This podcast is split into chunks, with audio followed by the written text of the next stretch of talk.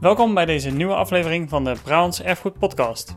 De gast in deze aflevering komt van dicht bij huis. Het is namelijk mijn Erfgoed Brown collega Frank van Doorn. Hij is historicus en is vanuit het Browns Historisch Informatiecentrum voor onderzoek gedetacheerd bij ons.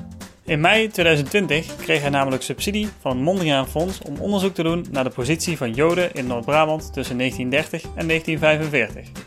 Een al grondig onderzocht onderwerp, zou je zeggen, maar niets bleek minder waar. Zijn onderzoek moet ertoe leiden dat we de maatschappelijke positie van Joden en de gevolgen van de Jodenvervolging in Noord-Brabant beter op waarde kunnen schatten en kunnen vergelijken met andere provincies en met andere landen. Frank, heel fijn dat je te gast wil zijn in de podcast en iets over je onderzoek uh, wil vertellen. Ja, gedaan. In 2020 werd voor jouw vierjarige onderzoek een beurs toegekend van het Mondriaan Fonds. Waarom vond je het belangrijk dat er zo'n lang onderzoek werd gedaan naar de positie van Joden in Noord-Brabant tussen 1930 en 1945? Want dat is de officiële periode, toch? Ja, klopt. Er is natuurlijk al heel erg veel geschreven over Jodenvervolging in uh, Nederland, uh, over lotgeval tijdens de Tweede Wereldoorlog. Maar het beeld dat we hebben op provinciaal niveau, dat uh, ontbreekt eigenlijk nog in algemene zin. Er is wel heel veel lokaal geschreven over Joodse families, mm -hmm. Joden in Noord-Brabant. Maar die informatie is dus heel versnipperd. Het is dus heel lokaal gebleven en regionaal. En ja, met dit onderzoek probeert dus voor het eerst daar een ja, algemeen provinciaal kader voor te scheppen. Om te kijken in hoeverre dit dus ook met andere provincies in Nederland en met de, wat er op nationaal niveau gebeurde tijdens de oorlog. Dus er is eigenlijk al best wel wat onderzoek gedaan, maar dan vaak over Joden tijdens de Tweede Wereldoorlog in Eindhoven of in Tilburg of in de Meijerij, maar nog ja. niks over Noord-Brabant. Ja, precies. Er, er, zijn wel een aantal, een aantal studies die ook wel uh, over Noord-Brabant gaan, maar die missen nog inderdaad dat duidelijke, uh, echt wetenschappelijke kader. Dus uh, ah, ja. inderdaad, de meeste studies die er zijn, zijn ja, beperken zich tot het lokale. Dat is dan natuurlijk wel extra zinvol om dat straks te kunnen vergelijken met andere provincies en met Nederland in het algemeen. Ja, natuurlijk. ja precies. We zullen het ongetwijfeld dadelijk al nog even hebben over wat daar nu al over te zeggen is. Ja. Jouw onderzoek begint in 1930. Ja. Waarom begin je in 1930 en niet met, in 1940, met het begin van de Tweede Wereldoorlog? Ja, dus inderdaad uh, hebben we voor dit onderzoek een beetje een aanlooptijd uh, genomen. Dat is met name gedaan om in beeld te krijgen uh, een belangrijk aspect als het gaat over Joden in Nederland, in hoeverre ze geïntegreerd zijn in de maatschappij.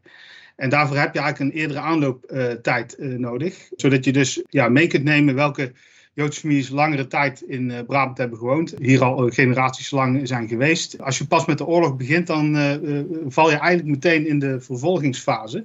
Al heel gauw. En dan kun je dus mm -hmm. eigenlijk niet in beeld brengen wat voor mogelijkheden, middelen de Joden voor die tijd hadden om maatregelen te nemen van tevoren, om, om beslissingen van tevoren te nemen. En daarvoor ga je dus kijken naar ja, hoe goed waren ze geïntegreerd, wat voor netwerken hadden ze, hoe waren de familieverbanden en maakten ze daar tijdens de oorlogsjaren, ja, konden ze daar gebruik van maken.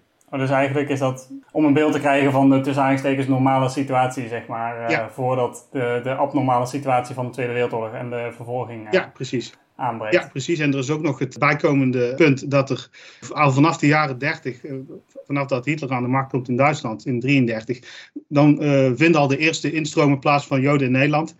En uh, dat wordt met name na 38, na de kristalnacht, uh, wordt dat uh, heel groot, die, die stroom. Hmm. En ja, daar, daar, zijn dus een aantal fases in te onderscheiden in hoe de Joodse bevolking in Brabant dus al in de jaren 30 richting de oorlog al veranderde.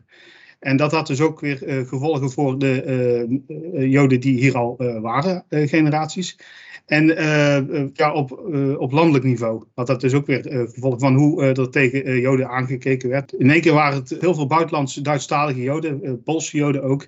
Dus daar veranderde heel veel in de, de gemeenschap zelf en in de perceptie ervan. En dat kun je dus op deze manier ook meenemen. Ja, dus je hebt het dan in de jaren 30 eigenlijk al echt over grote vluchtelingenstromen ja. die op gang komen. Ja, precies. Ja. Je noemde ook de voorbereidingen. Dus er waren Joodse families die zich dus echt al ja, zich voor gaan bereiden op de Tweede Wereldoorlog klinkt een beetje raar, want ze wisten natuurlijk niet precies wat er ging gebeuren. Ja. Maar die, die voorbereidingen aan het treffen om zichzelf in veiligheid te brengen ja, precies. in de jaren 30. Ja, precies. Dus kijk, de Duitse Joden die dus naar Nederland kwamen, uh, die hebben dus, zeker als het na Kristalnacht was, die hebben dus al het nodige meegemaakt aan, aan vervolging, antisemitisch geweld.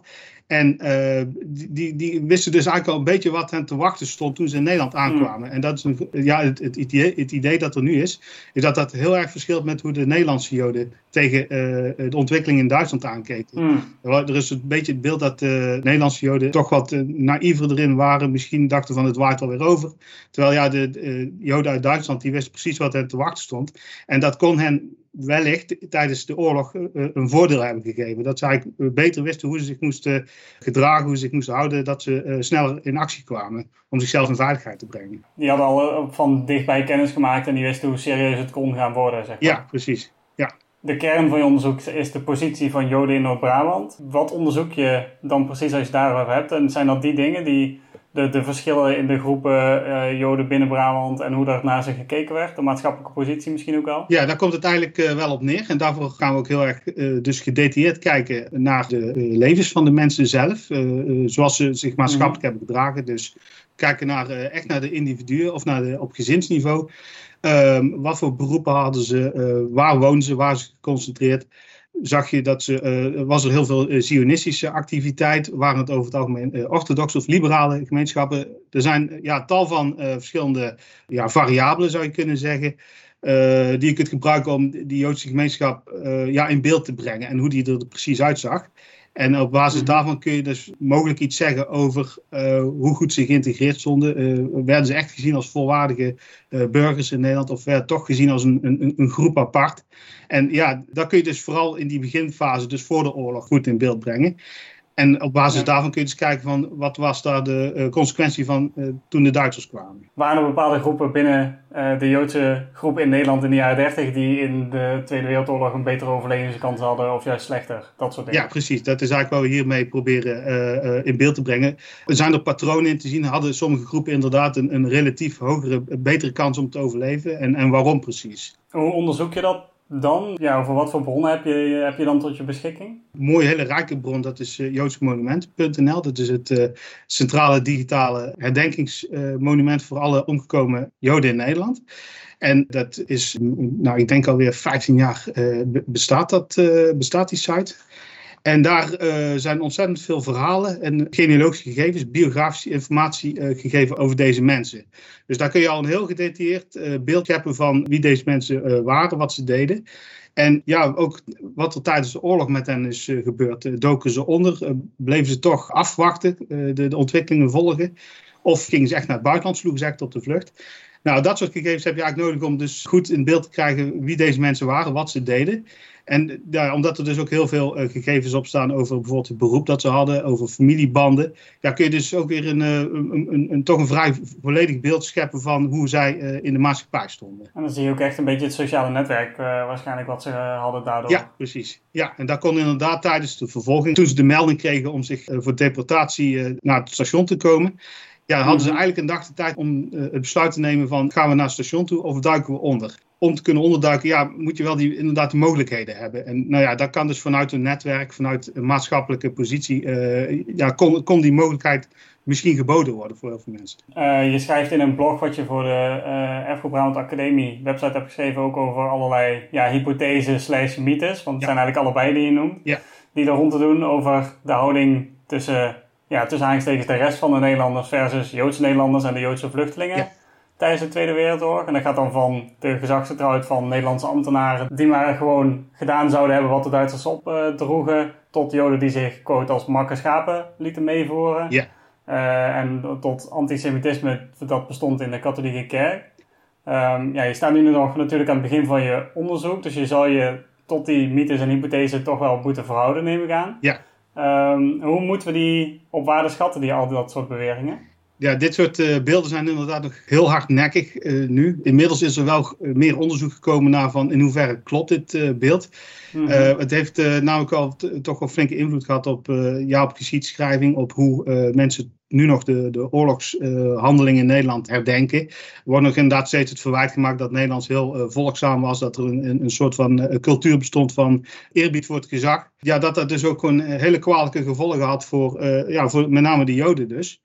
En dat wordt dus nog steeds wel eens opgevoerd, ook in politieke zin, als, als een waarschuwing tegen het, ja, te rigide handhaven van regels, het, het te slaafs navolgen mm -hmm. van wetgeving. Dat soort zaken. Inmiddels is wel duidelijk uit inmiddels verricht uh, ander onderzoek dat in ieder geval dat beeld van die, die, die Nederlandse gezagstrouw, dat daar niet veel van klopt. Dat dat niet strookt met wat er, hmm. ja, met feiten en met wat er bekend is uit onderzoek, vergelijkend onderzoek, bijvoorbeeld de situatie in België en in Frankrijk het is allemaal ingegeven door het, ja, het, ja, het ontluisterende feit dat van alle West-Europese landen in Nederland procentueel gezien de meeste Joden zijn omgebracht. En dat lijkt dus niet te, te, te stroken met het idee dat uh, Joden relatief goed geïntegreerd waren in, in, in Nederland. En dus dat wordt dus, ja. ja dat wordt dus ja, deels geweten aan uh, de, de, de, houding, de opstelling van de Nederlandse politie, Nederlandse ambtenarij ten aanzien van de, van de Duitsers. Ja, interessant verschil. Wat weten we nu al over die maatschappelijke positie van uh, Joden in Brabant voor de Duitse inval? Eh. Nou, het beeld dat, daar kijk, wat ik nu tot heb van wat ik heb verzameld, is dat inheemse, om het zo maar te zeggen, dus de families die al mhm. meerdere generaties in de provincie woonden, dat die heel, toch heel goed geïntegreerd waren. Stonden bekend als mensen die meededen met de samenleving, vaderlandslievend, gedroegen zich als, als voorbeeldige Nederlanders. dat, dus dat soort uitdrukkingen kom je tegen. Uh, er waren wel mhm. een aantal orthodoxe gemeenschappen, uh, met name in Den Bosch en in uh, Breda. Maar die waren ook weer relatief klein. Want we hebben het uiteindelijk maar, als we het voor de oorlog hebben, over ja, een groep van 4000 personen. Mhm. Dus dat is misschien voor beeldvorming even belangrijk. Ja. de Joodse gemeenschap in Brabant was niet heel groot. Wisselde ook heel veel van samenstelling. Er werd heel veel getrouwd en verhuisd met mensen uit, van buiten de provincie richting België. Dus het was een hele, ook wel een hele mobiele groep. En ja, als je dat zo ziet, krijg je toch een heel uh, een, een, beeld van ja, een groep mensen die eigenlijk ja, zich afgezien van dat ze een andere geloof werden uh, aanhingen, dat ze mhm. dus tot een andere groep werden dat dit eigenlijk een heel door, dwarsdoorsnee groep van de maatschappij bijna is. Ook alle inkomens, inkomensklassen zijn wel vertegenwoordigd. Eh, heel veel beroepsgroepen, je, ja, je ziet ze dan minder in het uh, boerenleven. Er zijn weinig Joodse boeren, maar je ziet ze des te meer in, in de handel. Winkeliers zijn het heel veel. ook wel wat zakenmensen. En het is een heel hmm. divers beeld waar je van krijgt. Ja, en die, die dus echt tussen aanstekens gewoon meedoen in de maatschappij als het ja, Ja, precies. wat misschien ook wel heel erg te verwachten is natuurlijk als hier al generaties wonen. Want waarom zouden ze dan heel anders zijn? Ja, precies. Ja, klopt. Hoe verandert dat na de Duitse inval? Of misschien zelfs wel na het begin van de holocaust in 1941? Ja, wat ik tot nu toe uh, weet, is uh, mm-hmm. dat de, de, op de eerste plaats is er een hele grote demografische uh, verschuiving. Weg uit de provincie. Nou, eigenlijk begon het al in 1940 met evacuaties uit de kustprovincies, die door de Duitsers zijn opgelegd. Er zijn heel veel Joden vanuit Zuid-Holland, Noord-Holland de provincie binnengekomen, waar ze niet goed raad mee wisten. Die werden dus eigenlijk ook gewoon maar ja, net waar de ruimte was, of een tijdelijke pensioens ondergebracht. dat gaf al wat vrevel. Uh, op den duur zie je dat ze dus geleidelijk aan ook gesegregeerd werden, dat ze geconcentreerd werden in Amsterdam. Tijdens de oorlog zie je dat uh, het grootste deel van de Joodse gemeenschap in Brabant eigenlijk wordt samengedreven in het ghetto in Amsterdam. En uh, ja, de, hoe de, de, bevolking in Brabant zelf daar tegenaan kijkt. Ja, hele wisselende uh, reacties erop. Dat is ook met name hoe wij de, wat wij dus met dit onderzoek ook aan het licht proberen te brengen. Werden ze gewoon losgelaten door de lokale uh, bevolking? Of werden er toch relatief veel mensen in bescherming genomen? Want dat beeld is er, dat is ook een, dus een beeld dat erop staat. Dat in Noord-Brabant mhm. relatief veel Joden de kans kregen om onder te duiken en als het ware op te gaan in de, in de massa van grotere katholieke gezinnen. Dus dan werden ze als uh, zogenaamd als een extra neefje uit de Randstad ja, opgenomen. kinderen bijvoorbeeld. Daar, daar ben ik dus heel benieuwd naar in hoeverre daar iets algemeens over gezegd kan worden. Dan, daarvoor moeten we nog even een paar jaar uh, afwachten. Ja. Voordat we daar de resultaten van horen. Precies, ja. uh, ja. Je bent dus nu een beetje nog met die oriëntatie bezig, stel ik me zo voor. Zijn er dingen die je nu al heel erg opgevallen zijn, waar je echt van denkt van, oh, daar moet ik echt meer induiken de komende jaren? Ja, wat ik wel frappant vond om te zien, was dat er toch ook in die inheemse Joodse gemeenschap, het valt deels wel uit religie te verklaren, uh, hele grote, toch wel cohesie bestond. Hmm. Eigenlijk alle grote familienamen, Joodse familienamen, die zijn op een of andere manier allemaal aan elkaar gelieerd. Je komt ze telkens uh, in huwelijksverbanden allemaal tegen. En dat wekt al het beeld dat er toch een hele ja, toch ondanks dat ze dus bekend stonden als heel goed geïntegreerd, dat toch als het aankomt inderdaad op religie, uh, dat is toch een hele hechte gemeenschap uh, van. Ja. Maar dat kan ook weer, uh, toch ook wel weer uitgelegd worden in, kijk, Nederland was een verzelde maatschappij en dat gold dus voor Joden even goed. En omdat die groep dus maar zo klein was, was ook de huwelijksmarkt veel kleiner. En dus dan zie je dat er toch een hele ja, coherente gemeenschap ontstaat. Dat vond ik wel heel boeiend om te zien uit de genealogische gegevens die ik had. Ja, het is interessant dat dat dan ook zo... Um ja, niet per se in tegenspraak is met, maar toch een beetje haak staat op het feit dat ze als goed geïntegreerd worden genoemd. Maar wat je zegt, in feite zijn ze natuurlijk een eigen kleine zuiltje, om het even zo te zeggen. Ja.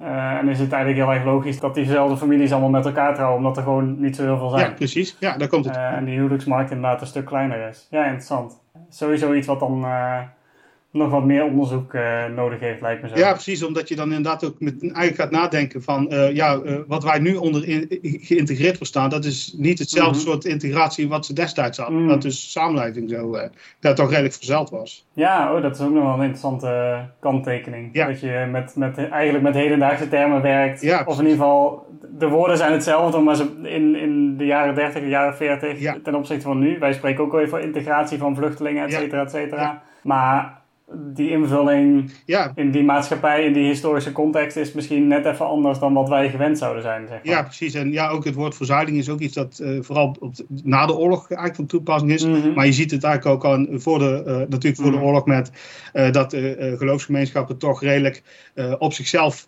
bleven. En ja, dat, dat, zie je dus aan, deze, aan de Joodse gemeenschap zie je dat dus heel goed. Genoeg interessante aanknopingspunten voor de komende 3,5 jaar ondertussen. ja. Ik ben heel benieuwd wat uh, uiteindelijk het eindresultaat gaat zijn. Jij ongetwijfeld ook. Zeker, ja. Gok ik zo. Ja. heel erg bedankt uh, voor nu dat je er alvast wat over wilde delen. Hoewel je nog maar aan het begin staat. En uh, we horen over een aantal jaren ongetwijfeld wat er allemaal uit is gekomen. Ja, graag gedaan. En uh, ja, inderdaad, ja, ik ben nu ongeveer een jaar bezig. Inderdaad, uh, data, het is nu heel erg veel databasewerk, genealogische gegevens verzamelen. Mm -hmm. En nu komen we inderdaad op het punt dat we het gaan interpreteren en gaan aanvullen met ah, ja. de inhoud, met de verhaal die er zijn. Het echt leuke werk. Precies. Top. heel veel succes ermee, dankjewel. Ja, graag gedaan.